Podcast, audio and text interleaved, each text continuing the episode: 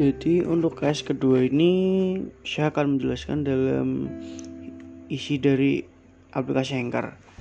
Jadi untuk pertama pembuatan mudah. Jadi kalian tidak perlu verifikasi nomor. Kalian hanya butuh email.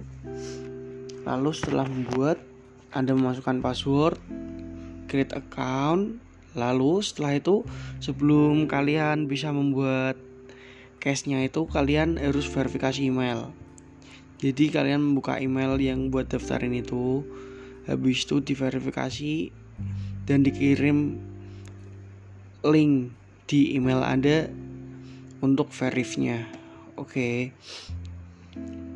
Lalu setelah itu Anda baru bisa membuat podcast tersebut.